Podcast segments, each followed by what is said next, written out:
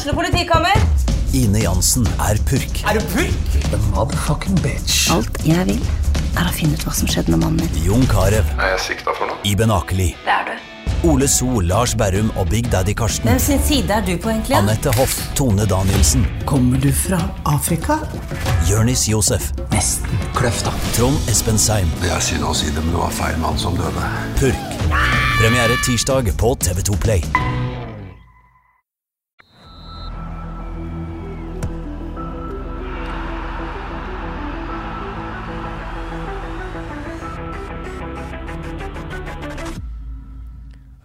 Hei og velkommen til episode 101 av Frelst. Mitt navn er Terje Flatby, og jeg sier det er 101 selv om jeg satt i studio og sa 99 sist, fordi vi hadde en fantastisk livesending eh, på festiviteten sist tirsdag. Så jeg vil gjerne bare benytte anledningen til å takke alle som kom der. Eh, og ikke minst alle som har sett på opptak i etterkant. Veldig stas at eh, folk satte pris på livesendinga. Johannes Dale Husbø, det var gøy å være der. Veldig, veldig kjekt. Kjekt å se folk, og kjekt å se at trenere trener og to spillere stilte opp og bydde på seg sjøl. Ja, må si at uh, Krygård og Sørlund leverte. Jostein Grindrud leverte virkelig. Det var gøy å se han i det slaget der. Sitatmaskin. Ja, og for de som ikke har sett det, så ligger opptaket fortsatt ute på H-avis full mulighet, og ligger selvfølgelig ute som, som podkast òg. Og så eh, toppa jo Husbu og Levinsen hele skiten til slutt. Eller? Dette, var dette, dette er oversalg. Litt oversalg må vi jo lov å ha. Eh, velkommen til deg òg, Kåre. Tusen takk til deg. Ja, er det, er det blåmandag?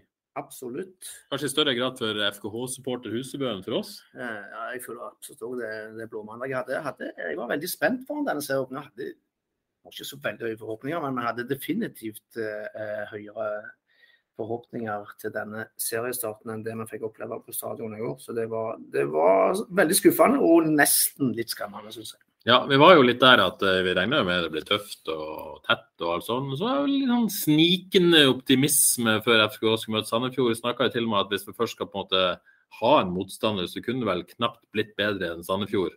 Eh, men Johannes, det var eh, det ble, Men det som var så rart, det var litt god stemning forkant på stadion i går, er du ikke enig?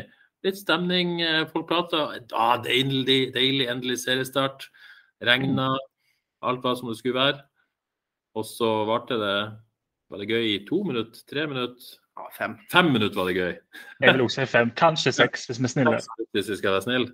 Ja. Ja. Nei, det var jo, altså, men det er jo godt gjort om jeg eh, går inn med lav forventninger og så blir skuffa likevel. Ja, det er faktisk et godt poeng.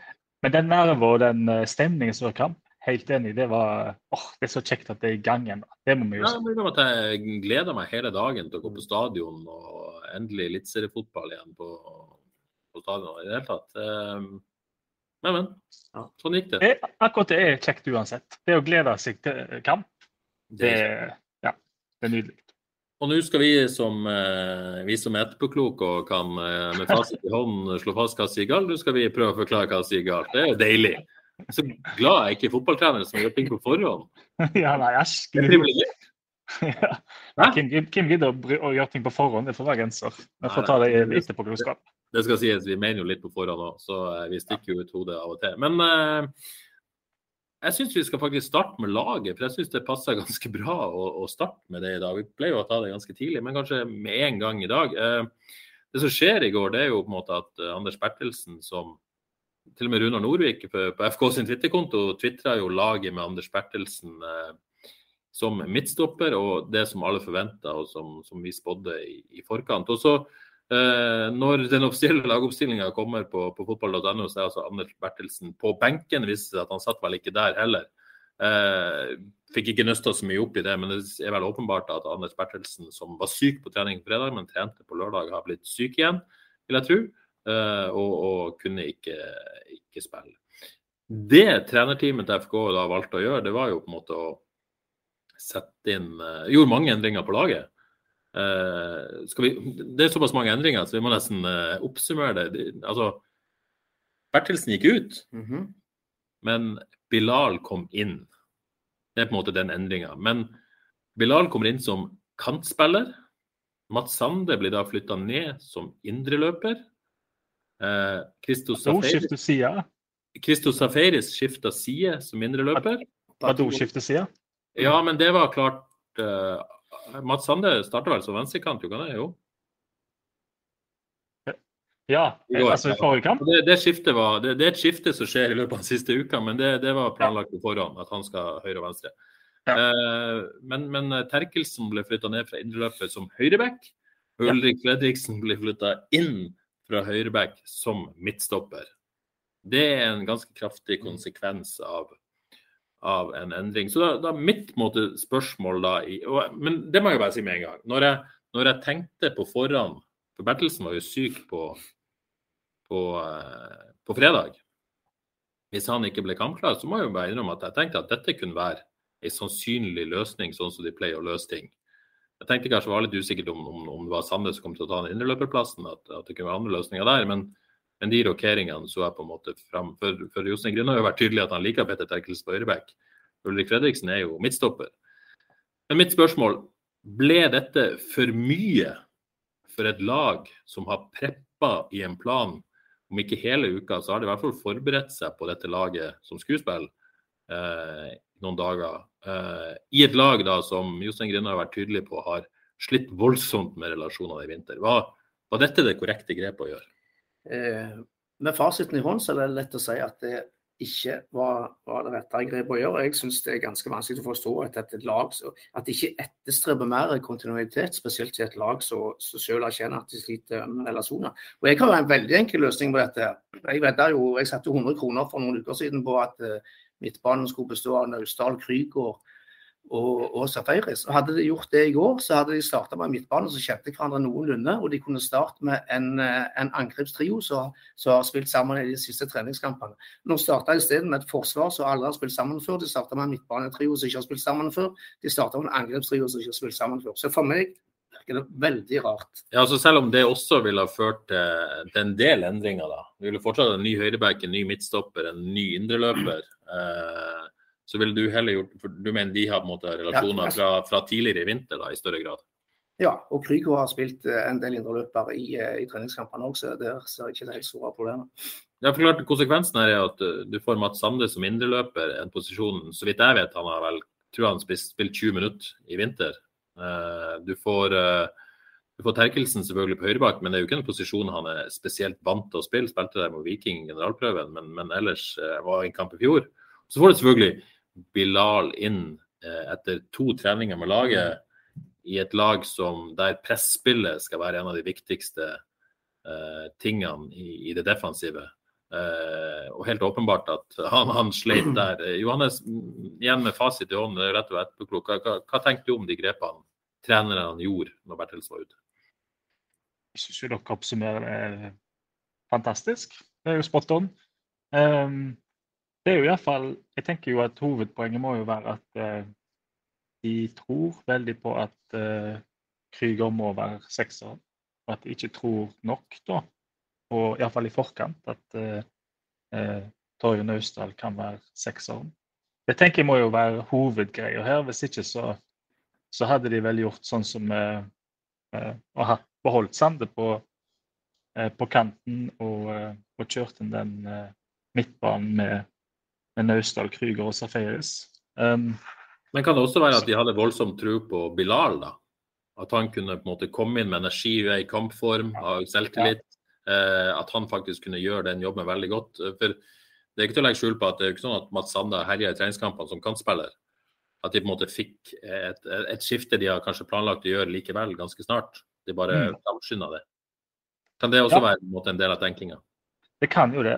Og vi, um, ja, det, er altså, det, er jo en forferdelig vanskelig situasjon for Oda, for det er jo så få å velge mellom. Så um, en del av meg tenkte OK, Bilal Njay kom med mye sjøltillit fra høsten og, og og spilt, spilt kamper til langt utpå vinteren, holdt jeg på å si. Så akkurat at uh, Johs og co. hadde en magefølelse på at han kunne gå rett inn og kanskje vippe ting i rett farge. Kanskje jeg vil frikjenne de litt der òg, for uh, jeg tenkte iallfall når jeg så han at OK, det kan jo være litt spennende dette. Han, uh, han er i form, sant? han er kampklar. Han, uh, han kommer med sjøltillit, Så, så, det kunne ha gått veien. Med fast i hånd så kan vi jo uh, være så smarte vi vil, men jeg syns kanskje akkurat den var OK. Ja. ja, for akkurat det gikk jo ganske galt. Det gikk helt galt. Altså, han var helt usynlig, stakkar. Han visste jo Ja, Au, Det så, så kjipt ut å være Bilal Njay på stadion i går. Og var jo ganske langt unna i den defensive fasen òg, vil jeg påstå i hvert fall. Ja, han, eh, han var utpå der, og det, han bodde ikke på seg sjøl. Han eh, hadde lyst til å komme fra det med æren i behold, så det ut til. Eh, Det var ingen bidrag, og det var en helt umulig oppgave for han, så nesten litt drøyt hvis de, at de heiv han inn hvis han var der, da. sant? Så, men ja, jeg, jeg, jeg tenkte jo når jeg så han der at OK, friskt, kanskje det går. Så jeg, jeg kan liksom ikke si at det var dårlig heller etterpå da, føler jeg. Nei. Uh, er det andre løsninger man kunne valgt? Altså, mm, man kunne jo valgt å uh, stått med treeren man hadde planlagt på, i front. Man kunne ha stått med midtbanen man hadde valgt, uh, og rett og slett f.eks. kjørt inn Eivind Helgeland, som gjorde en god jobb i generalprøven mot Viking. Valstad som stopper, det har han gjort før. Minst mulig endringer i et lag igjen som skriker etter relasjoner. Nødsfall så kunne man jo brukt André Hovland Lønning som høyreback og, og kjørt Fredriksen inn. Eh, Ja, Sånn at, sånn at man ikke velger det, da. Men, men Helgeland kunne jo på en måte vært et alternativ eh, framfor å gjøre sånne endringer. Man på en måte prioriterer jo annerledes da, på vis. Med de endringene man gjør. Ja. Jeg, eh, Jeg tippa jo at de ville vil ha Bilal inn. Det var egentlig hovedpunktet, tror jeg, da. ja.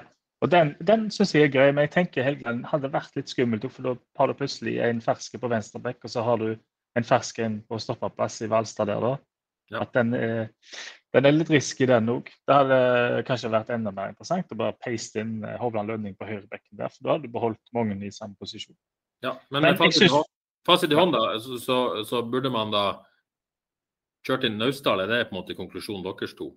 Jeg syns jo det er åpenbart òg etter sitt andre mener helt forskjellig av mange grunner. Vi kan sikkert komme tilbake til det. Men i et lag som sliter med relasjoner, så ser du jo, og det har du sett i vinter òg, relasjonen mellom spesielt Naustdal og Safaris er kjempegod. Du ser Safaris ikke komme så lavt i banen. Og Det ligner jo nesten en 4-2-3-1 i første omgang, for Safaris er så lav. I andre omgang så er det Naustdal som ligger som den lave, og, Safaris får brukt uh, sitt enorme talent offensivt. De finner hverandre lett. Um, så i et lag uten relasjoner, og når den relasjonen har sett så fin ut i vinter, så syns jeg jo det er, bekmørkt at de ikke, at de ikke ser den. da. Det er nesten eh, ja, Jeg kan nesten ikke forstå det. Men, men det er vel en, en, eh, en, eh, et, et tegn på, som du var inne på tidligere, Johannes, hvor, hvor hardt de prioriterer å ha Krygård i den ankerrollen, Absolutt. eh, vil jeg tro.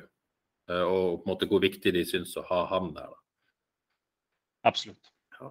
Men, men argumentet mot Naustdal er at han ikke er god nok defensivt, har vi forstått. Men, men faller ikke det litt vekk når du møter Sandefjord på hjemmebane og skal i utgangspunktet styre kampen? Så jeg, eh, I likhet med Johanne, som jeg allerede har sagt, jeg, jeg forstår heller ikke den prioriteringen. Men oppsummert, da. eh, Bør trenerteamet gå litt i seg sjøl etter de disponeringene som ble gjort, gjort her, og, ta Altså, Spillerne har fått gjennomgå av eh, tydeligvis trenere i pausen, har vi fått hørt. Eh, spillerne er veldig sjølkritiske etterpå når vi snakker med dem. Eh, Foreløpig ingen som har pekt mot trenerteamet. Er det Jostein Grine fikk spørsmål om burde gjort noe annerledes. Ja, sier han til, til vår journalist, men, men han klarer ikke å si hva etter kamp i går, og at de må se nøyere på det. Eh, men samtidig så sier han også at det var ikke så mye annet de kunne gjort, kanskje. Eh, og da tenker han kanskje på laguttaket. Men, men bør man ta litt selvkritikk her? Definitivt. Feil laguttak. Jeg syns jo det, altså det For å være helt ærlig, tre trenere, og så ser det ut som det der. Det er jo helt katastrofalt som det så ut i første omgang. Jeg har knapt sett FKH bli så rundspilt som de ble i den omgangen. Og En snakker om at uh, det er nye spillere og en må få tid til at relasjoner skal sitte. Men ta Sandefjord, da.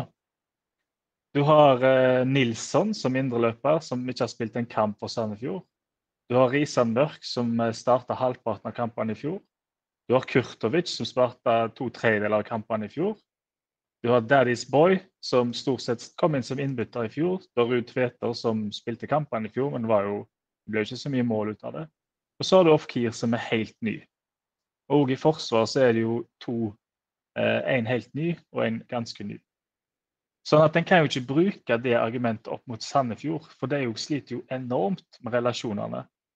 Men det du ser med Sandefjord, er at de har to på midten, Kurtovic og Risan Mørk, som styrer hele butikken. Alt går innom dem, relasjonen mellom dem er kjempefin. De slår langt på Daddy's Boy som stikker i bakrom, de finner off-keer i beina. Du ser at de spillerne de vet hva de andre spillerne er gode på, og så spiller de på dem deretter. Det var jo totalt fraværende i FK.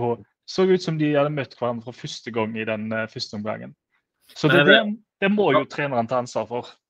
Og, og Sandefjord selvfølgelig, de har et, et, system som ligger i bunnen. Trenere fra i fjor nå har du nesten de samme i FK, men de har et system som ligger i bunnen. så måte, Man har henta spillere, rollespillere. Man har på en måte satt inn i et allerede eksisterende system. Er det lettere da kanskje å få relasjoner, selv om de ikke kjenner hverandre så godt, når det på en måte blir satt inn på den måten? Ja, jeg tenker jo det. Og da tenker jeg jo hva er, hva er systemet til FKH da? Hva er planen? Hva er det de skal gjøre? For meg virker det som at de henter i forsvar. Der er det soliditet som er ordet som brukes. Og på kantene der prioriteres det fart. sant? Men det er jo eh, altså det er jo eh, Tabado, det er jo fart, det er jo fysikk. Men det er jo helt skremmende hvordan det svinger mellom eh, det helt latterlig dårlige og, og, det gode. Og hvordan skal en spille med han? Jeg har ikke peiling. Det er jo, Relasjonelt så er det jo katastrofalt. Um, og det kan jeg jo si Holtan òg, som jeg syns for Bryne ser ut som en, uh, ut som en, en bra spiss som er uh, Jeg syns til og med han ser raskere ut. jeg syns nesten steget har forandra seg etter han kom til FK. Akkurat som det blir mer armer og bein. Akkurat som han, han føler han må peise på her når han er kommet til FKH. Og som vi hørte fra Johs i festiviteten, så må jo alle som kommer til FKH, skal jo brytes ned før de skal bygges opp igjen. Så det er jo tydelig at de må gjennom en slags pace på-maskin før de kan komme ut igjen på andre sida. Som jo er veldig uheldig, fordi det er jo da sier en jo du har ingenting å tilby, jeg skal forme deg etter sånn som jeg ser deg. Og det er jo veldig uheldig for flere spillere. Ta Torje Naustdal, skal han bli en pace på-spiller? Altså Det er helt umulig. Han er jo en feinschmecker som må bygges opp, som skal ha ball, som skal kose seg. sant? Da blir FK mye bedre. Ja, jeg er usikker på om vi skal tolke Jostein Grinhaug fullt så bokstavelig som det, men, eh, men, eh, men I dag, i dag, I dag får du, skal du få lov til det, Johannes. Men, men, det er jeg litt sånn spent på. Det er jo viktig på en måte å ha et perspektiv her. Og, og Egil Selvik sitter med ikke sett oss i gapestokken ennå. Så det, det, skal vi ikke gjøre. Det er første seriegang, masse nye spillere. Det var skader og alt dette vi vet. Eh, så vi skal på en måte være forsiktige med det. Men det er litt sånn spent på, for, siden det var såpass dårlig i går. det Er liksom eh, er dette på en måte et signal på, på alt det vi snakker om, at det er naturlige forklaringer, eller er det sånn litt mer dyptgående? Var man godt nok forberedt, rett og slett? Eh, og tror de nok på det? Egil Selvik forteller jo på en måte at han måte følte at de begynte å hakke på hverandre, gyve løs på hverandre når de ikke fikk det til. Masse usikkerhet, helt tydelig.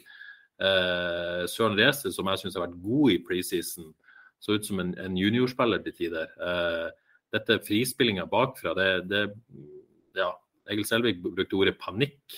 Det så vi ingenting til. Nesten. Eh, og, og, man mista ball ganske mange ganger i et forsøk på å spille, og, og, og man klarte ikke å stå i det i det hele tatt. Eh, så da er på en måte spørsmålet er, er liksom, Tror de nok på dette? Eller er det bare er det fordi de rett og slett ikke har tid nok eller spilt sammen nok? Eller at Bertelsen mangler så selvfølgelig en, en viktig spiller i, i, denne fasen. Tror de nok på det? Det er Et godt spørsmål, og det vet vi ikke. Terje. Nei, det vet vi ikke. Eh, men eh, det var litt skremmende å se hvor, hvor usikre etter hvert både og nervøse de var i den første omgangen i går. Eh, det er mange, det omstendigheter, skader og sykdom her, men, men her er det en jobb å gjøre. Jeg, tar, jeg synes jo Et eksempel på at en ikke er forberedt, kan jeg jo ta, bare ta Søren Reze. Altså han, eh, Ruud Tveter han la seg jo på racet, da. Og det han gjør, er jo at han klistrer seg inn til racet. Og dette vet alle som har eh, vært uh, tukkespiss, holdt jeg på å si. at Hvis du får kontakt med forsvarsspilleren og du skal være oppspillspunkt, så dummer forsvarsspilleren seg ut. Racet legger seg klistra inntil Ruud Tveter, og det er det dummeste du skal gjøre, for han er sterk som en bjørn. Så han kunne vende på racet flere ganger der og vippe han videre en gang der. Det, det, tyder jo på at han ikke er forberedt i det hele tatt på han møter. Og sånn som eh, Kurtovic og Risan Mørk fikk diktere spillet på midten der. Og, og han inne, spilte som sagt, starta halvparten i fjor, den andre to tredjedeler. Så det er liksom ikke sånn at de har at de er eh, eh, så innspilt heller. Det var de ikke forberedt på det hele tatt. Så, og så har du Daddy's Boy, som eh, på venstrekanten der. Han var jo antagelig satt der for å true Terkel på, eh, på farten. Sant? For Off-Keer, som spilte på høyre, er jo normalt kanskje venstrekant. Så han er jo satt på uh, Daddy's Boy satt på venstrekanten. Han var jo kjempegod, forresten. Uh, for å kjøre Terkel skikkelig på farten. Så jeg syns jo det er enorm forskjell på hvordan de så ut til å være forberedt på hva de møtte på laget. Og det må virkelig trenerne ta på si kappe. Nå høres det er et eh, godt tidspunkt å ta målene litt. Uh, eh, 0-1 kommer jo over et innlegg fra, fra Sandefjords i høyreside. Uh, tenk i utgangspunktet at uh, Bilal burde gjort mer for å hindre det innlegget. Uh, det, det, begynner vel litt der. så, så sniker jo på en måte Ruud Tveter kommer jo på en måte mellom Reze er vel i et, tenker jeg, i et rom der han i utgangspunktet burde være. Eh, så jeg føler ikke at han kan ta noe skyld. Dette kan sikkert noen uh, bedre enn meg. Men sånn som jeg ser det, så er han i et rom der han burde være som venstre midtstopper. Uh, det er ikke noen spillere der, men, men, hvis ikke han er der, så er det et gigantisk stort tomrom. Så kommer Reze, nei, Ruud mellom, mellom da Fredriksen og Terkelsen. jeg syns det er vanskelig på en måte å si hvem av de som skal ha det. Det kommer et løp fra Daddy's Boy eh, ganske dypt, som, som ingen følger. Eh, men han er vel i utgangspunktet Terkelsen sin mann. Men jeg tror ikke verken Terkelsen eller Fredriksen er spesielt oppmerksom på han. For han kommer ganske sånn eh, dypt og kommer akkurat inn i det øyeblikket eh, innlegget kommer. Så Fredriksen prøver jo å nå den ballen med hodet. Den kommer over han. Eh, han har ikke kontroll på Ruud Tveter, han har mista kontroll på han. Og jeg tenker også at Terkelsen kanskje når han ser at Fredriksen mista litt kontroll på Ruud Tveter, så må han ta det steget inn og komme i kroppen på han hindre han i å komme til avslutning. Sånn, sånn ser jeg jo det. Jeg har ikke trenerøyne, men jeg ser det Nei, sånn. At, men jeg tenkte at det er litt delt skyld der. Ja, for når Terkel ser Terkel jo, må jo passe litt på Daddy's Boy, men når han ser Det er jo større fare med han som kommer inn ja. rundt Fredriksen. der, Så jeg tenker òg det at da må Terkel inn og hjelpe Fredriksen. Så Terkelsen er bakerst, liksom, har, skal ha den fulle oversikten eh, i ja. utgangspunktet der. Og, når han på en måte Man, blir stående på en måte og gjør ingenting, egentlig. Mm. OK, bare skyter en i forkant så er det jo Kurtovic får ballen sentralt i banen. Risan Mørk har flytta seg på høyre indreløperplass, litt opp i mellomrom. Får ballen enkelt av Kurtovic. Risan Mørk slår den til Håkenstad, som svinger den inn. Og det har de fulgt på i boksen, sånn at de faktisk er i overtall på bakre stolpe der. Og Hvis jeg hadde analysert FK for et motstanderlag, så ville jeg sagt at dette her skjer ganske ofte. Og da vil jeg si at hva er midtbanen sin jobb i sånne situasjoner? For når midtbanen jobber hjemover, midtbanen til FK jobber hjemover, det som de stopper på 16-meterstreken. Det er som de ikke skal inn i egen boks og hjelpe til der. Så Da blir det jo overtall hvis, de, hvis uh, motstanderlaget tar sjansen på å fylle på i boks. Så blir det jo i overtall. Og det skjedde på dette målet. og Det, det har vi sett ganske mange ganger. Så der lurer jeg litt på hva, hva greia er egentlig. At, uh, for de må jo hjelpe til når det, hvis de er flere spillere enn FKH i boksen, så må jo midtbanen komme helt ned og ta løp. Så er det de, de to neste målene. da. Kan, jeg, kan jeg, bare få lov til å si at uh, I teorien går det an å luke vekk alle feil og ikke slippe inn mål, men dette er et fantastisk angrep av, uh, av Sandefjord, først og fremst i mine øyne, som hylles. Det er veldig vanskelig. Det går fort. Det innlegget kommer fra, seg, fra distanse. De uh, angriper og forsvarer må spille, springe mot mål. Veldig vanskelig å forsvare seg mot. Selvfølgelig kunne Bilal presset hardere. Fredriksen blir litt for mye ballwatching. Terkelsen burde vært sterkere i duellen der. Men først og fremst strålende skåring av Sandefjord. Godt angrepsspill. Ja, det er åpenbart et, et viktig poeng. Så, så, er det 0-2 og 0-3, og så er jo FK uheldig, for de er jo faktisk ti mann på banen under begge disse skåringene. Eh, 0-2, da er vel Krygård ute og får behandling sitt bak mål eller noe sånt. Det kommer en corner. Hva som skjer der, er liksom litt interessant, for jeg kan ikke tenke meg at det er meninga at Sandefjord-spilleren skal få ballen på, på hjørnet av 16-meter og være upressa nærmere mindre. Eh, så, så, så, om det handler om at det blir en tellefeil et eller annet sted pga. Krüger ute, det kan jo godt være. Mm. Men, men, uansett da, så skal jo noen ta den jobben og skjønne. Eh, og Da er det jo litt sånn tilbake til hvor er på en måte de som står frem og tar ansvar her. Eh, og Nå snakker vi ut fra en teoretisk situasjon, for vi vet ikke dette. Men hvis det er tilfellet, så er det jo ikke godt nok på en måte av kollektivet. For det skal uansett ikke få lov å slå en kort corner og så ende opp med en Sandefjord-spiller for å slå upressa fra 18 meter der. Mm. Hvalstad er vel den som prøver å gjøre noe med situasjonen, men jeg, men jeg tror i utgangspunktet ikke det er hans jobb. Nei. Og Der òg er det faktisk Jeg kikker på det i dag. og Der er det han som står nærmest han som tar corner, det er Risan Mørk. Som slår Ja. han vel videre til Kurtovic, som, Ja. som får dra på skudd. Så det er jo de to igjen da som styrer og, og får gjøre Mm. nesten som de vil. Ja. Og derfra ut så kommer det et innlegg som egentlig er dårlig, og det er bare ja, Det var en sånn dag en sånn ball går inn. Den bare går via flipperspill. og Jeg føler ikke at noen kan lastes for noe mer Derfor derfra ut, på et vis. Det er bare shit happens. Ja. Og det er jo litt sånn symptomatisk for, eh, for eh, dagen i går. Selvfølgelig skulle Ruud Tveter få tå på akkurat det. Selvfølgelig. Han hadde, han hadde dagen. Skåra han mer i går enn han har gjort i hele eliteseriekarrieren fra før, eller hva, hva skjedde det egentlig? Ja, for han hadde vel seks mål i fjor, tror jeg. Ja, Ja. det er jo helt vilt. Tre i dag. Nei, tre i går.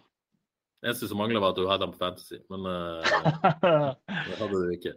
Uh, så kommer 0-3, Uh, der, der, og da er jo Fredriksen ute eh, og får behandling. Eh, så, så, så uflaks der. Eh, eh, men er vel i, sånn som jeg ser det, mista ball vel eh, på ja, Sandefjord sier 30 meter eller noe sånt. Eh, Ja. Og sånn som jeg ser det, ser de vel i ubalanse når de mister ball. Det er det for så vidt, og da er Sandefjord smarte. Normalt så de behandler jo ballen eh, strålende og eh, bearbeider FKH stort sett med ballen i laget. Men her viser de at de, eh, når de får brudd i gunstig posisjon, så kunne de være direkte. Det er han nye Nilsson får ballen på, som venstre innrømmer der. Bang rett i bakrom på Daddy's Boy, som løper fra Terkel. Ruud Tveter kommer på bakerste. Flott innlegg langs bakken, pang inn 3-0. Helt Ja, og bok. Mål. Og han står jo, Ruud Tveter står jo flere meter i offside når de vinner ballen. Så han eh, er lur, Han er eh, lur. rett og slett. Og, eh, og Reze prøver jo desperat å ta han igjen.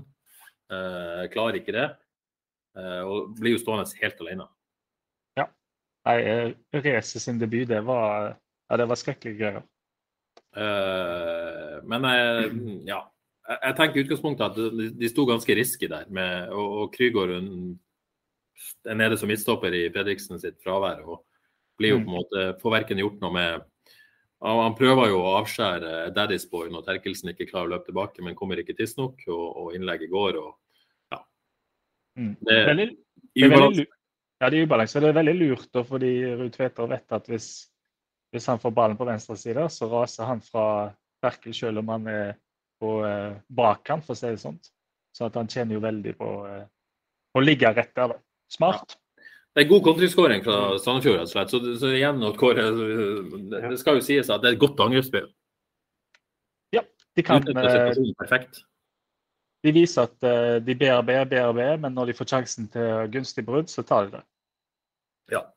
Eh, og det blir jo også pauseresultatet. Eh, skal vi si litt om, om, om andre omgang? Eh, man gjør jo disse grepene. Man, man bytter Sande eh, og, og eh, eh, Bilal. Bilal går selvfølgelig ut, og Sande kommer inn med, med Gong og Naustdal. Det blir et helt annet kamp i andre omgang. Det er vel ingen tvil om. Det gjør det. Sandefjord legger seg eh, kompakt og lavt. Eh, og lar FKH styre på, på eh, over midtbanen, godt over midtbane før de setter inn presset der. Så det er en helt annen kamp, ja. Og Kåre, så er det jo lett å si at uh, FK var mye bedre etter pause, dette var et steg framover, bla, bla, bla. Men, men eh, hvor, hvor mye har, tror du kampbildet har å si for at, for at det blir sånn? Det er mye, selvfølgelig. eh, Som Johannes sier, Sandefjord legger seg bakpå og nærmest gir ballen, ballen til FK. Men eh, det var, jo, var jo positive ting. De skapte opptil flere, flere store sjanser. Søder burde definitivt skåret vel. Og de hadde en i stolpen med, med, med Krüger. Så, Og fikk en skåring, ikke minst. og så fikk du selvfølgelig en skåring, men den kom dessverre litt for seint. Hadde den kommet eh, kvarter før, så kunne det blitt veldig kjekt mot slutten her. Ja, Det var jo ekstremt synd at man ikke klarte Ja. å få den skåringa til. For Hadde det blitt eh, 2-3 der, så tror jeg det kunne ja, Lett å si. Kunne fort blitt 3-3. Det hadde litt blitt panikk og fullt kjør og stemning på stadion. og Men det var jo en mye kjekkere enn omgang, da, men selvfølgelig litt preget av omstendighetene og resultatet og Sandefjord sin inngang til den omgangen. Ja, jeg jeg syns det er veldig vanskelig å Ja. måtte være så positiv etter den andre gangen, må jeg si. Med tanke på resultatet til pause, eh, kampbildet, de grepene Sandefjord gjør, så, så tror jeg nok Sandefjord er misfornøyd med at de slapp så mye til som de gjorde. Eh, de hadde nok en plan om å drepe kampen, Mm. tror jeg. Men, men eh, så, så det skal jo FK ha, at de klarte det. Det skal de ha. Ja. Jeg tenker egentlig to ting jeg, om den andre omgangen. Sånn uh, hovedpoeng, i hvert fall. Det ene er jo at uh, jeg syns jo Torje Naustdal kom inn. Jeg syns ikke han er mer enn uh, helt grei. sant? Han, han får mye ball, laget ser bedre ut, men han får også mye plass fordi Sandefjord ligger så lavt. sant? Så han, Ti, Han kunne- og ti, han kunne vært enda tøffere i valgene, men stakkar gutt tok det som å liksom får et kvarter her og der, holdt jeg på å si, og så er han ute, og så skal han inn, og så må han gjøre det hele. Så det er ikke så lett det heller. Men laget så mye bedre ut. Eh, Og ikke minst Safaris så veldig mye bedre ut. Eh, Han flytta seg lenger opp, og grunnen til at FKH skaper sjanser, og det fikk jeg virkelig se i dag òg, og jeg er veldig uenig i din femmer, eh, Terje. Jeg, jeg syns Safaris ja, Ja, altså-. Ja, hvis vi tar, tar børsen, så for de som ikke har sett det, så, så to beste var jo Selvik og Safari. Selvik som best på seks. Uh, vurderte også Safaris som, som seks, men, men endte opp på en femmer uh, pga. litt ustabil uh, førsteomgang. da. Eh, og kampbildet eh, gjorde at han fikk mer plass i andre omgang. Men, men eh, jeg likte også veldig godt det jeg så Safaris, vil understreke det. Og fem i en, eh, en trekamp mot Sandefjord er tross alt ganske bra. Og de Ja. fleste, alle andre lå på to og tre. Ja. Det er egentlig enig. Men kampen i går, jeg så bare at eh, for det første, at kjemien mellom Naustdal som nevnt, og Safaris er veldig god. Um, Safaris fikk flytta seg lenger opp. Og for Safaris så var det ikke så enkel omgang. Sant? For han måtte inn i den der eh, smørja som lå bak der, den bussen som de nesten parkerte. Ja, ja det er Og, og han, sant? han klarte å skaffe seg plass og rom og skape sjanser eh, både med ene gangen han sendte gjennom Valstad, som for første gang eh, omtrent kom seg forbi eh, sin oppasser på løp der. La inn Krüger, skyter ballen i stolpen, den var veldig fin. Og så kom han seg òg eh, løs Safaris bare og vrikka, seg, vrikka og vende seg fri. Så Safaris så mye bedre ut med Naustdal på banen, syns jeg. Um, og så var det, det var det ene store. Det andre store var jo når Søder kom inn. Jeg ikke, jeg, ble, jeg fikk frysninger for gang bare tenker på når han står på linja der og, og snur seg mot publikum og hytter med neven og hoier. og Nå skal vi faen meg snu dette, ser du han sier. Så spurte han innpå. Hele stadion var med. Altså, Du merka publikum fikk troen med en gang Søder kom på. Så det var, det var skikkelig øyeblikk. Og, og når stadion er med, så er jo, blir jo laget automatisk bedre. Så med Søder på banen så så det mye bedre ut. De begynte å se, Da så det farlig ut. Ja, han hadde fortjent, uh, fortjent noe uttelling uh, på det, på det innhoppet. Var jo nære på flere ganger, ikke minst på den uh, fra fem meter der som han blåser over. Ja. Men, men si, vel, til- si, vel til kollega Kristiansen etter kampen at han tror det var ei, ei Sandefjord-tå der som fikk vippa han litt ut av balanse. Vi må nesten tro det. den heller, så. Nei, vi må få tro det. Hvis ikke så er det en spinnvill avslutning, da. Men ja. Ja, nei, men eh, meget bra innhopp eh, fra, fra Søder. Eh, litt om, La oss gå litt inn på enkeltspillere. Vi er inne på det. Safaris eh, leverer jo. Jeg syns det var deilig å se han komme ut på gresset der i tiertrøya. Eh, da har du litt tro på deg sjøl òg når du kommer som 19-åring til en ny klubb og bare velger å ta tiertrøya. Det kan vi like. Det kan vi like. det likte vi veldig. Ja. Det var hans første kamp i Eliteserien. Det er debuten i Eliteserien.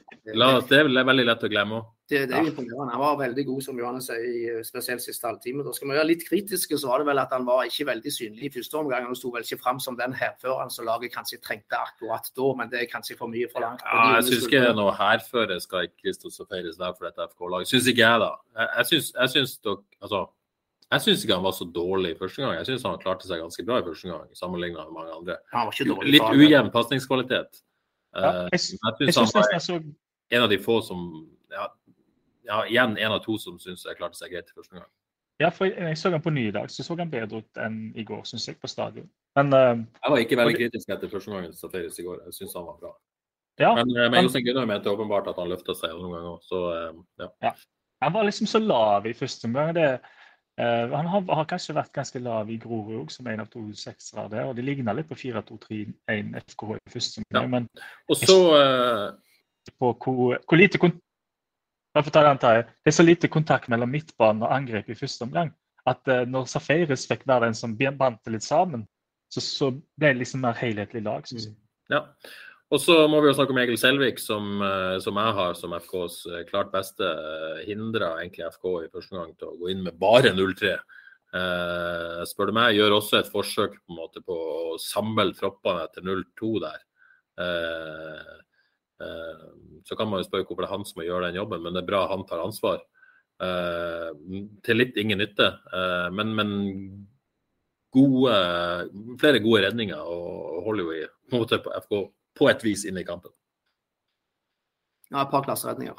Så han ser veldig bra ut, som ryktene har sagt allerede. Ryktene er sanne visst. Ja, Søder har jo skrytt eh, voldsomt av han og det han har gjort i vinter. og ser jo tegn på at det blir en god Selvik-sesong, og det kan man kanskje trenge hvis man uh, tror det fortsetter sånn som så dette. Eh, innhoppet til Sødre har vi vært innom. Eh, Naustdal har vi vært innom. Eh, Gong, skal vi ta han på den positive sida, tross alt? Det syns jeg vi skal gjøre han er, han er fiks og han har fart, og der tror jeg vi har mye kjekt i vente. Altså. Ja, jeg er veldig spent på fortsettelsen. der. Jeg, jeg tror det kan vippe alle veier. Fortsatt. Ja, det kan vi ikke. Men når banene blir litt bedre og finere, og sånt, ja. så tror jeg han kan tjene på det. da. Jeg fikk liksom aldri sett toppfarta hans på et vis. Kom, kom, aldri den ballen der han enten slo, uh, slo forbi og sprang, eller et, uh, en ball i bakrommet eller noe sånt. Det fikk vi liksom ikke skikkelig sett. Det var lite plass. Nego jeg satt og venta på det, ofte på det. Men uh, så var det et par ganger jeg tenkte er, han ikke så rask likevel. Men det har vi jo sett at han er. ja, definitivt. Men å fikse en skåring var på rett plass til rett tid, og det er jo en god egenskap. Det er det. Fin avslutning. Så må vi jo bruke litt tid på de som skuffa oss i går. Eh, det er jo vanskelig å komme utenom om Søren Reise her. Um, Eh, Henta til FK som, eh, som, ny forsvarssjef. Eh, var vel eh, ikke det eh, mot Sandefjord. Var usikker fra første spark. Eh, var heller ikke spesielt god i duellspillet, sånn som han har vært i vinter. Og voldsomt usikker med beina. Eh, Odd Kåre, du som kan din historie her. Jeg skrev at uh, har vi sett en dårligere FK-debut noen gang? Uh, kan vi få den lista over de verste debutkampene? Er det oppfølgeren her? Uh, oi, nei, det, det, var et vanskelig spørsmål. Men, men uh, jeg tror nok kanskje man har sett noe verre. Men, da har vi det? Men, men, det, men, må jeg tenke sjøl. Ja, ja, jeg, jeg, hadde et stort spørsmålstegn bak. Ja. Det er sikkert noe som har vært verre. Altså, jeg, Bilal, kanskje? Jeg, jeg, jeg endte opp med to, med to, litt ubehagelige spørsmål til den kampen. og det var jo, som du har vært inne på, altså, Er Riise god nok som forsvarssjef? Jeg, jeg, tror fortsatt han er det, men vi må i hvert fall få lov til å stille spørsmål etter det han viste i går. Og det andre spørsmålet er Joakim Holtan god nok som enslig spiss i dette FK-laget etter en sesong i Obos-ligaen? Det, det, var liksom de to eh, Men, men eh, eh, først av alt, dette var en kollektiv svikt, og det må alt må ses i lys av det. Et lag som ikke, ikke fungerte i det hele tatt. og Da, lider først og fremst spissen. Jeg er òg enig i at dette først og fremst er en kollektiv svikt, og så har vi vært innom hva, hva trenerteamet eventuelt kan gjøre annerledes. Men, men, man kan jo på en måte likevel forvente mer av en, en, en spillere som er henta inn som må være en av de rutinerte, en av de som skal gå foran, en av de som skal, skal styre dette laget. Uh, og, og måtte, Jeg følte at da, måtte, han bidro til den usikkerheten istedenfor å gjøre noe med den. Mm. Uh, og det, det, er ikke sånn det skal være, rett og slett. Nei, det var jo det var Så vet jeg ikke hvorfor det var sånn, det kan jo være tusen årsaker som ikke vi vet om. Men ja. Men, ja. Det var iallfall noe juniorfeil fra forsvarssjefen. Jeg ja. syns jo, jo at Eh, jeg ble jo skuffa over Nicolas Walstad òg, jeg. da. Jeg syns jo han slo gode cornerer. Um, ja, men, og ble vel, ble vel, ikke passert heller, men hva han gjør med ball, og hvor lite han er med framover Nei, det var ikke Det er litt sånn kjøtt, kjøtt og poteter-følelse på begge det, på både Race og Valstad, syns jeg. Men det var vel litt stigning på Valstad utover i andre omgang der. Viste vel tegn på å få litt fart og komme rundt der. Ja. ja, det var kjempe den ene stasjonen da han raste forbi. Eh, så tenkte jeg oi, det bor litt igjen, altså. Så, ja. Eh, så skal vi på en måte huske at Valstad har vært eh, voldsomt mye syk. Ja. Uh, Jostein Grinhaug var jo inne på det i Press Live, at jeg har knapt sett ham. Uh, det kan jo ha måte, påvirkning både på, på, måten han både fysisk form og andre ting. Uh, men godt tegn at han kom utover andre omgang. Det viser jo at han mm. har. Har mer i seg. Men, men ingen god kamp eller åpenbart av Hvalstad heller. Jeg kan ikke gå inn på alle, men uh, ja. Mats Sande fikk sjansen i det som mange tror Endelig sjansen i det ja. som tror kan være hans beste posisjon. Uh, det var vel lite av det Mats Sande gjorde som, som tilsier at han eh, bør beholde plassen i dette laget for lenge, dessverre. Så ærlig må vi kunne være. Det, nå tror jeg det snart må være liksom nok. nei, ja, nei, uff, det Men det er jo synd, fordi at Ja, det er eh, kjempesynd, for han er jo kvikk og god med ball, og det er jo bra fotballspiller, men eh, ja. Det er helt umulig å se for seg at han skal få, få snudd det i FK. Eh, så var jeg personlig litt, eh, litt skuffet over Kevin Krygård òg, som jeg syns har vært veldig god i vinter. Skrytt masse av Kevin, har tatt enorme steg, stått fram som både en måte, en lederskikkelse og en, en defensiv eh, ja, viktig sentral defensiv brikke, også tatt offensive steg. Um, han føler jeg også var en av de som, som kunne stått fram og, og til tross sin unge alder, da, hadde kapteinspinnet kunne stått fram og, og eh, ført dette laget til noe bedre enn det de klarte i går, spesielt i den første gangen. Klarte ikke det. Eh, Det, det lov å være litt skuffet over det. Ja, han klarte vel aldri å prege kampen, og, og litt for mange feil. Men jeg føler òg han lider over, eh, over veldig dårlige relasjoner eh, frem- framover på banen. Og kollektiv svikt. Ja, nei, han var dårlig, eh, spesielt i første gang, så kom seg litt igjen. Kom seg igjen, som liket med andre. Eh, Badou, er det mulig? det er ujevnt. Eh, Finnes det en spiller hvor det er større spenn mellom det dårligste og det beste? Det tror jeg knapt. Flytta over på, fra høyre til Han hadde vært venstre hele oppkjøringa. Mm. Uh, Flytta over på høyre i, i siste treningsuke her. Uh, men uh, ja, hva skal man si? Eh, første gang dårlig defensivt, må jeg kunne si. Eh, og, og FK sleit jo med at de, de hadde, var, var svakt defensivt i presset både høyre- og venstresida. Uh, rett og slett. Det tror jeg var, var viktig. Ja, de snakker mye, men det er jo liksom Hva, hva de gjør med ball òg er liksom så uh, Ja. trist. Og hva han gjør med ball, det er trist. Relasjonene har vi vært inne på. Uh, ja, Vi kan snakke om Holtan, men jeg, jeg syns det, det blir en vanskelig jobb for Holtan. Kommer ny inn i dette laget. Løper enormt, gir alt. Kanskje for mye, nesten, på et vis. Uh, så jeg syns det er på en måte vanskelig å kritisere han noe annet enn at han ikke fikk det til. Eh, men hvor mye av det som må, må legges på han, og hvor mye som må skyldes eh, det, det rundt han, det er mest på de rundt han, tenker jeg. Vanskelig arbeidsforhold. Ja, det ser ut som han har fått beskjed om å gi alt, og han gir alt. Men det er liksom fotball. Altså, fotball er jo et uh, finessespill, tross alt. sant? Du skal behandle en ball veldig fint. Du skal finne medspillere i trengte posisjoner. Det er liksom det, og der eh, var jo FKH et hav bak Sandefjord, så, eh, og han inkludert. Ja. Gode jobber, gode i duellene. Noen som vil, så har vi vært innom de fleste spillere. Noen som eh, vil si noe mer om, om det? Skal vi si noe mer om kampen? Skal vi legge den bak oss nå, vi òg? Ja, skal vi gjøre det? Skal vi registrere to unge debutanter? Ja, det må vi gjøre. Det er et godt Ja. poeng. Vegard Solheim og Sander Håvik Innvær. Begge fikk kom komme inn på overtid der. Det er jo stas. Veldig stas. Eh. Innvær er jo en favoritt hos deg, eh, Johannes. Vel, veldig kjekt. Det Det er, jo- det er jo litt sånn der eh, eh, Det er jo et lurt bytte, kan en si, da, av trenerne etter å ha hatt en helt uh, uh, fiasko av en kamp, og så hiver en inn på de. Men det er kjekt, veldig kjekt å se inn der og Solheim. Ja. Gratulerer, rett og slett. Yes. Det er to unge lokale gutter som har fått sin FK-debut. Det liker vi veldig godt. Så får vi håpe vi ser dem mer. De fortjener det. Ja. Eh, Ikke mer å si om det. Eh, Vålerenga next. Eh, søndag eh, Dag Eilif Fagermo, Joakim Jonsson og ingen Aron Dønnum, som vel må stå over etter det røde kortet mot Molde. Men eh, Vålerenga, det, det er på en måte vanskelig. Jeg fikk ikke sett kamp i går. Men det er vel et Vålerenga-lag som klarer seg greit mot Molde, sånn som jeg har forstått rapportene. Og det er vel grunn til å kanskje skjelve bitte litt i buksene for FK, da. Ja, de ble bra kjørt en stund, vil jeg si, men uh, de hadde òg perioder hvor de var på høyde. Og uh, ja uh, Et veldig sugent Vålerenga da, med ny sportssjef og uh, taleglad tidligere ekspert Joakim Jonsson inn der. og selv om Dønnum fikk ut, så har de jo han Ismael klar kanskje for å steppe inn der. Sant? De har, de har eh, Lajoni, som vel har sett bra ut på den høyre kanten, og Kjartansson, som ser bedre ut enn noen gang, sier de. Sarawi, Petter Strand, Bjørdal. Ja, det er mye krutt. ja, Vålerenga blir klare favoritter der, ingen tvil om det. Men eh, Jostein Grine og FK liker å slå, slå unna ifra. Ja, det er nå vi skal dra fram den klisjeen ja, er at nå har man ingenting å tape, og det er da det, da det snur.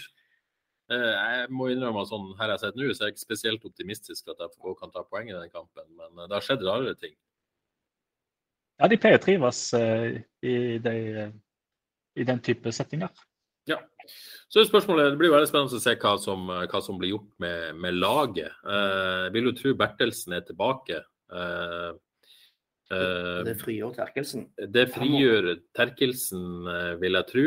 Eh, Bilal får ei uke til på trening. Eh, Eskesen kan være tilbake, neppe klar til å starte. Eh, Søder får ei uke til på trening. Terkelsen for så vidt òg, som har vært mye ute i vinter. Hva, hva tenker dere om eh, kommer- For det første, Bertelsen. Er han tilbake? Ja, tror vi ikke det? Ja, og da tror vi vi får se Fredriksen på høyreback. Ja. At det bare Mm. må bli sånn at den fireren er med Tore ute, Tore Pedersen ute. Så foretrekker man det foran Terkelsen er på, på høyrebacken igjen. Mm. Det er det vi vil se òg, eller? Jeg syns jo det. Jeg håper jo uh, at vi får den midtbanen som, uh, som Odd Kåre vedda en hundrelapp på uh, kom til å starte sesongen, eh, og som spilte i andre omgang. Og så kan det jo være, kan det være at. Du skylder oss en hundrelapp. Ja. Ja, jeg har allerede nevnt at jeg vedder 100 kroner, men det var ingen som vedda imot. Men jeg, Nei. men, men jeg foreslår jeg legger den i botkassen til Frelst, og så tar vi oss en tur etter sesongen. Ja, men det er Johannes har vel mange bøtter allerede. Ja. ja, det blir en fin tur. Jeg tror vi kan komme oss til Stavanger i hvert fall. Ja, men du tror du får uh, Terkelsen opp og Safaris og Terkelsen minneløpere og Krygård der? At uh, Får ikke drømmen oppfylt med Naustdal, men, men Terkelsen kommer opp, da? Nei, det var det. For jeg så en sånn der eh, Jeg leste at uh, Jostein uh, trakk fram Torgen Austdal. Det var kanskje litt overraskende. Sånn, jeg har en sånn, kanskje en liten følelse av at de hiver Terkel på høyrekanten. Badou på venstrekant. På høyrekant? Ja, det tenker Ja, jeg. en liten følelse der. Fordi? Nei, fordi ja, bare rett og slett en jobbekant og kanskje litt relasjonelt sterkere. Pluss at den midtbanen uh, så OK ut i andre omgang, og at det er potensial der. Eh, kanskje At til og Badou med- tar den andre kanten, er det det? Ja, det er det jeg ser for meg. Jeg tror ikke litt- en, Ja. Nei, jeg tror bare ikke altså Gong starter vel neppe, og det gjør Jeg tror ikke Njay starter, jeg heller. Jeg tror han må få lov å komme inn fra benken. Altså. Så Ja. ja. Nei, jeg tror, jeg tror det kan bli Ja, nei, jeg vet ikke, men. Jai, det, det kommer vel an på treningsuka, selvfølgelig, men han virker jo et stykke unna. Men han skal jo på en måte være i, i kampform Mm. eh, på en annen måte og meldte seg sjøl veldig, veldig klar på trening. Eh, så så vi hvordan det gikk. Men, eh, men det er jo noe annet å komme inn i et nytt lag med nytt system og, og nye måter å gjøre ting på. Um, jo, men jeg syns det er litt rart når man nå har på en måte prioritert å bytte plass på Badou, at de skal bytte han tilbake til venstrekanten igjen. Uh, og da tenker jeg jo på en måte denne litt tilbake til trenerteamet. Jo mer de vingler jeg, jeg har prøvd å spørre fotballspillere om det mange ganger, men jeg tenker jo litt når det på en måte vingles mye og byttes mye i trenerteamet, så signaliserer jo det en usikkerhet om hva som er det beste laget, hvem som er de beste spillerne i, i hver posisjon. Og jeg tror FK trenger kontinuitet og trygghet nå for å få satt et lag. Så jeg vil jo prioritere å gjøre minst mulig på en måte endringer. altså Helt åpenbart at Bertelsen skal inn, syns jeg, men man man få satt dette laget, da. Men er det mulig per nå? Er det ikke nødt nesten Nei, nei, ja, det er et poeng. Er det mulig? Det er ikke sikkert. Ja. Det er ikke Ja, for jeg tror kanskje de må vingle et par kamper til før det setter seg helt. Så, Ja, men skal de flytte god bytte kamp på han igjen, liksom? Men var han ikke Ser han ikke Jeg, jeg syns jo han er Jeg, jeg ville hatt han som spiss, jeg, da, men Ja. jeg, så, jeg ser vel kanskje litt, litt, litt mer hjemme ut nå, da, siden han har vært venstrekant en stund. Han Så litt mer hjemme ut i andre omgang. Ja. Vet ikke. Det blir spennende. Eh, Søder, basert på den halvtimen han fikk, så burde han jo starta, men jeg tror ikke han er helt klar for det ennå. Så må nok være supersub. Uh, fortsette å være. Så, så skal vi tro at det er Bertelsen inn, og det er det, og at Sande ryker. Og at man finner en annen løsning på kant. Det er egentlig det som er Eller eventuelt at Sande får en kantrolle. da. jeg tror Terkel eh, kan gå inn på den høyre kanten, jeg, altså. Ja. Det tror jeg faktisk. Og da har de på benken så har de jo Gong, Njai og Søder. Det er jo krutta å hive innpå. Det er det. Det blir spennende å se hva, hva trenerteamet velger å gjøre eh, der. Um, kjapt før vi legger FKH bak oss. eh, eh, Johannes, vil du si noe om uh, De signerte jo tross alt uh, Bilal Njay og Julius Eskesen på deadline day. Hva tenker du om disse signeringene her? Nei, jeg har aldri sett Eskesen før, men jeg har sett han litt på nå. Det er, han kom, jeg tror han kommer til å bli bra. For det første er jo dansker i FKH, det er jo en sikker oppskrift. Um, men han har der, den der innsatsen som kommer til å uh, få publikum på hans side. Og så har han fin, god med ball, skikkelig sånn uh, uh, Ser ut som en sånn god relasjonell spiller òg, så han tror jeg tror skal bli bra. Hvor, En hvor, skal, hvor skal han spille hen? jeg tror han blir indreløper, jeg. Indreløpet, tror jeg. Men spørsmålet er, Odd Kåre, vi hadde jo, ga jo ut et FK-magasin her på lørdag, og der hadde vi en sak på, på alle danskene i FK. Spørsmålet om Eskilsen blir han en Mikkel Desler, eller blir han en Oliver Klitten? Blir han eh, Jakob Sørensen eller Martin Christensen? Det er Allan Olesen eller eh, Benjamin Tidemann? Nei, jeg vil ha Jakob Sørensen. Du vil ha Jakob Sørensen. Ja, men du tenker på oss. Altså, disse danskene de er enten hit or miss, som det ofte er. da. Men Ja. eh, det er noen som har gått veldig bra, men eh, det, det er noen som ikke har fulgt, fullt så fint. Eh, Eh, det er spennende å se hvilken kategori Eskesen faller ned i. Fra de siste åra så er det vel eh, stort sett ganske hit, iallfall. Ja, ja. Og Terkelsen Mm. er jo definitivt også i ferd med å bli en hit, for å si det sånn. Mm.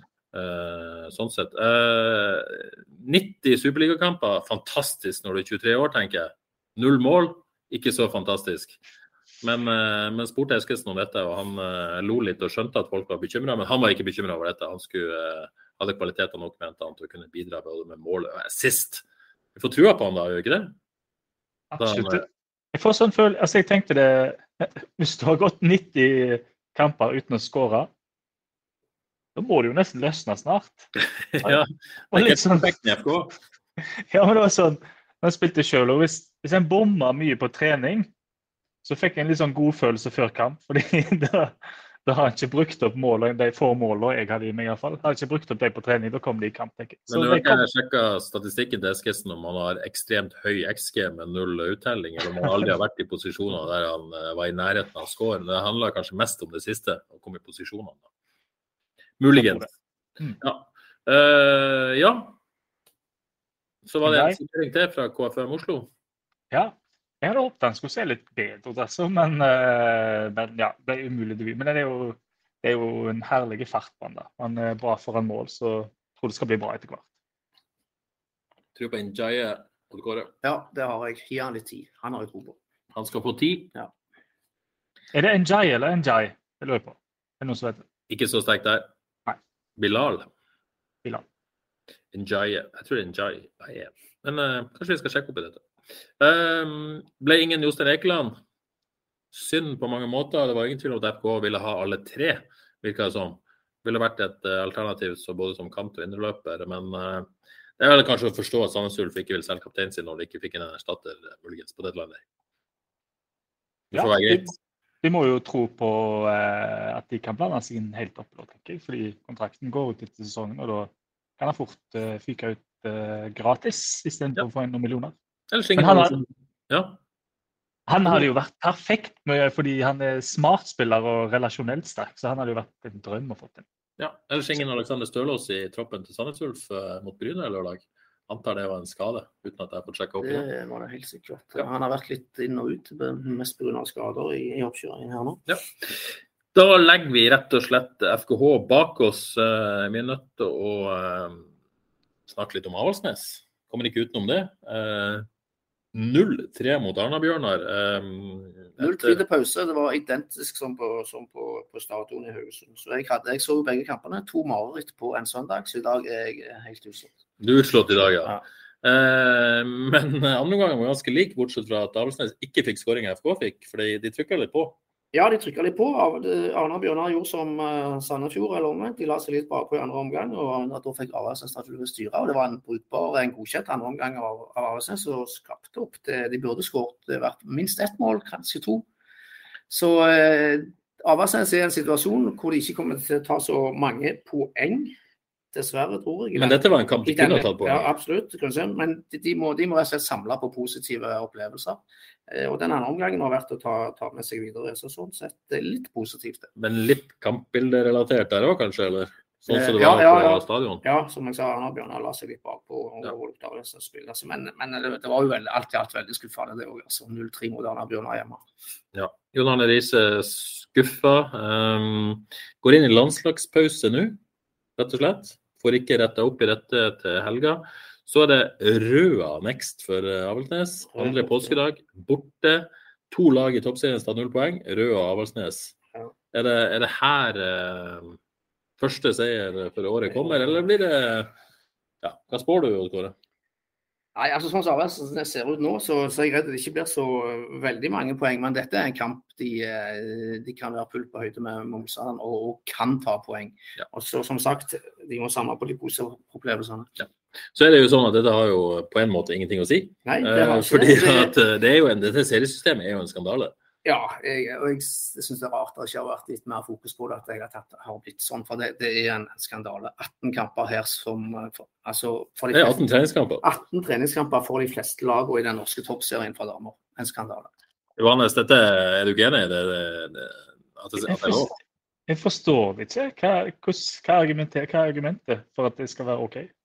Nei, Nei, det er er jo at de, de fire de beste, aller beste lagene skal på eh, mer kamper mot, eh, mot, mot seg selv, mot de beste lagene, og, og at de skal bli litt grann bedre. Så går det utover eh, hele resten av norsk damefotball. Nei, det er vanskelig å forstå. Og at klubbene har godtatt dette, her, det skjønner jeg heller ikke. Men hva- Kan det være bra for interessen, tenker jeg, som en har lyst skal vokse? For å Nei, gjøre det på denne måten? Det blir jo ikke spennende for Avaldsnes før de faktisk begynner med Nei. denne si bunnserien. Altså interessen med publikum, altså interessen for i- blant media for sånn 18 serierunder som ikke betyr eh, noe særlig. Nei, det er bomskudd, det er det vi kaller det. Sjølmål har noen kalt det. Sjølmål der i toppserien. Vi går over til Vard, som uh, endelig skåra mål. Etter en, Ja, eh, etter en oppkjøring der de knapt har satt ballen i nettet, så, så møtte de Sola, tredjedivisjon, skal nevnes. Min moderklubb. Din moderklubb Yes. i uh, generalprøve på, på lørdag. 5-2.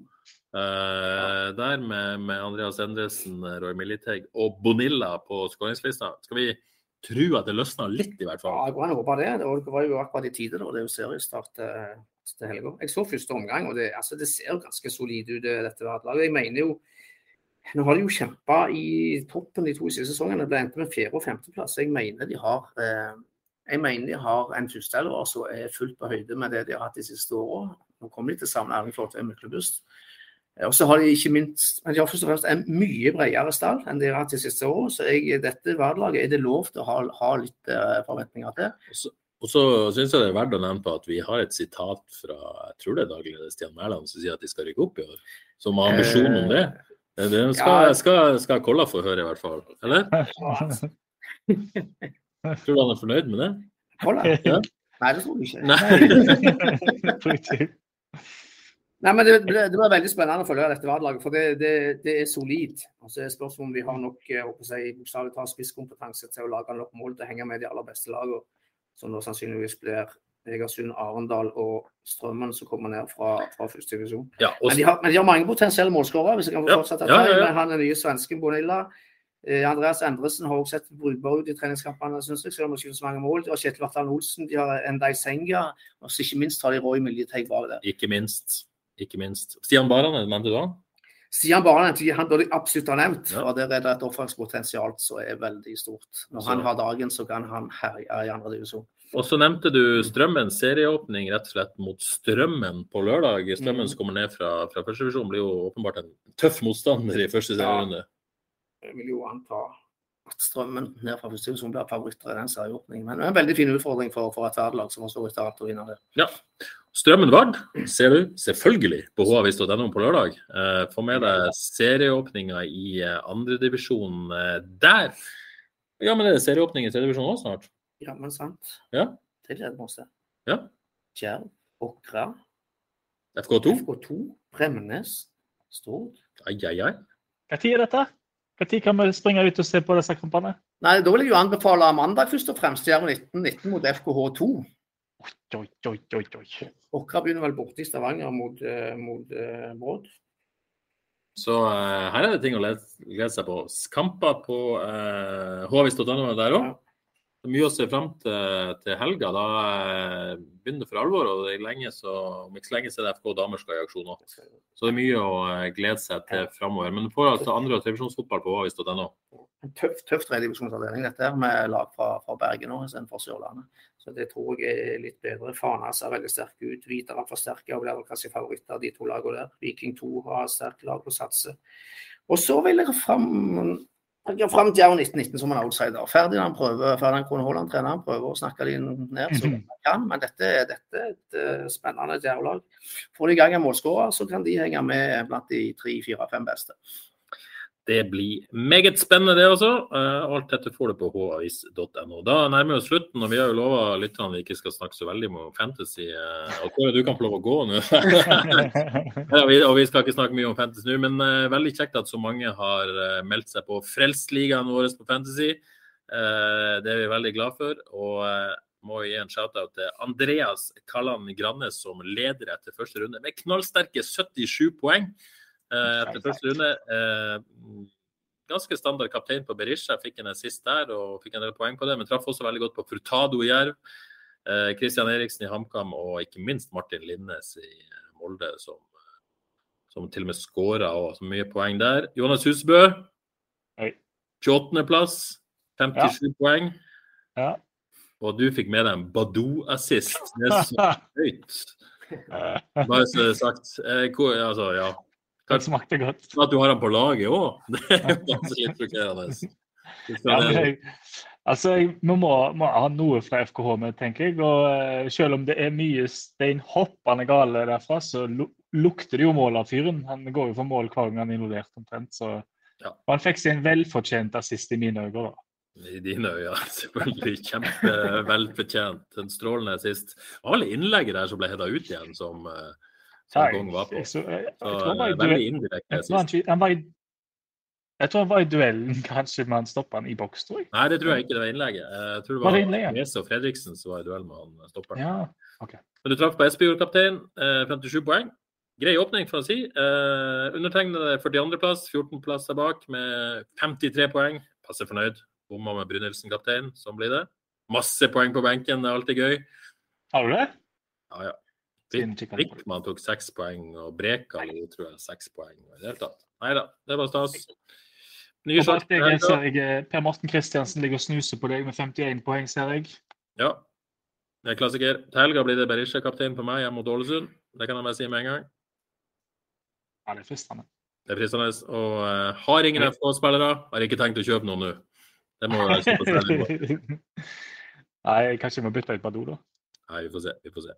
Det var faktisk det vi hadde i dag. Eh, tusen takk til alle som holdt ut så lenge så dette. Tusen takk til deg, Johannes. Strålende innsats, vil jeg si.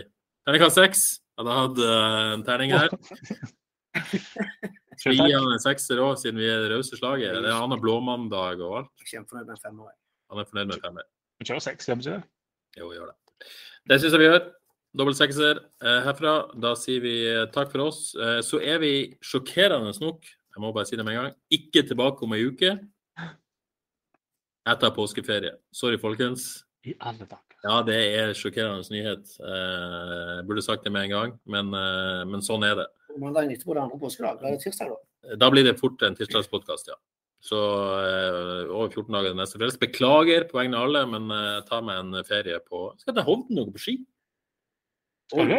Ja. Eh, skal vi ha livesending fra løypa, da? Folk, ja, Ingen som tror på det. det vil vi ha. Det vil vi ha. Men skal du ha bortover eller nedover, eller hva er du god på? Jeg Terje? er, jeg er ikke god på noe, men eh, det gikk jo mye på ski. Jeg, tror dere på meg hvis, dere sier, hvis jeg sier at jeg har gått eh, skiløp med startnummer på, på brystet? Er det fleip eller fakta? Ja, det er selvfølgelig fakta. Det er fleip. Fakta? Er fleip. Ja, det er ljug foran eh, åpent kamera. Det er fakta. Er det? Er fakta. Jeg kom ikke først, kan jeg si, men jeg har gjort det. Du er sjokkert? Ja, vi får velge å ikke tro på deg. du velger å ikke tro på meg. Det blir mest bortoverski på meg, for å si det sånn. Og Kvikk Lunsj. Og Kvikk Lunsj. Ja, vet du hva, jeg hadde med meg Kvikk Lunsj på stadion i går. Det hadde du. Ja, du delte til og med! Eh, først og fremst Kristiansen, men eh, dere fikk jo smake dere òg, så det var kos. For en mann. for en mann. Takk til dere. Nå gir vi oss. Ha det bra, og takk for i dag.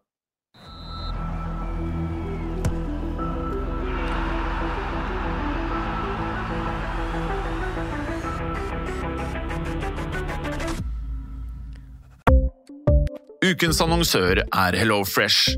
HelloFresh er verdens ledende matkasseleverandør og kan være redningen i en travel hverdag. Mange av oss har nok vandret i butikken både sultne og uten en plan for middagen, som ender med at vi går for de samme kjedelige rettene gang på gang. Middag burde være dagens høydepunkt. Som HelloFresh kan du nå velge mellom 25 ulike retter hver eneste uke, eller få HelloFresh til å sette sammen menyen for deg. Dette gir deg muligheten til å prøve nye og spennende retter alene eller sammen med familien. Du velger antall porsjoner og får alt levert på døren på et tidspunkt som passer for deg. Oppskriftene er enkle, og maten er lett å lage både for store og for små. Ved å få alt levert hjem får du også mer tid til å dele matgleden med familie og venner. Kanskje det frister med asiatiske tacos eller greskinspirert kylling? Da kan jeg anbefale deg om å gå inn på hellofresh.no. Her kan du bruke koden FOTBALL og få opptil 1779 kroner i rabatt på de første fem matkastene hvis du ikke har prøvd HelloFresh tidligere. Du kan også bruke rabatten hvis du har vært kunde og stoppet abonnementet ditt for tolv måneder siden eller lengre. Gå inn på hellofresh.no og bruk koden FOTBALL. Har du et enkeltpersonforetak eller en liten bedrift? Da er du sikkert lei av å høre meg snakke om hvor enkelt det er med kvitteringer og bilag i fiken, så vi eh, gir oss her, vi. Fordi vi liker enkelt. Fiken superenkelt regnskap.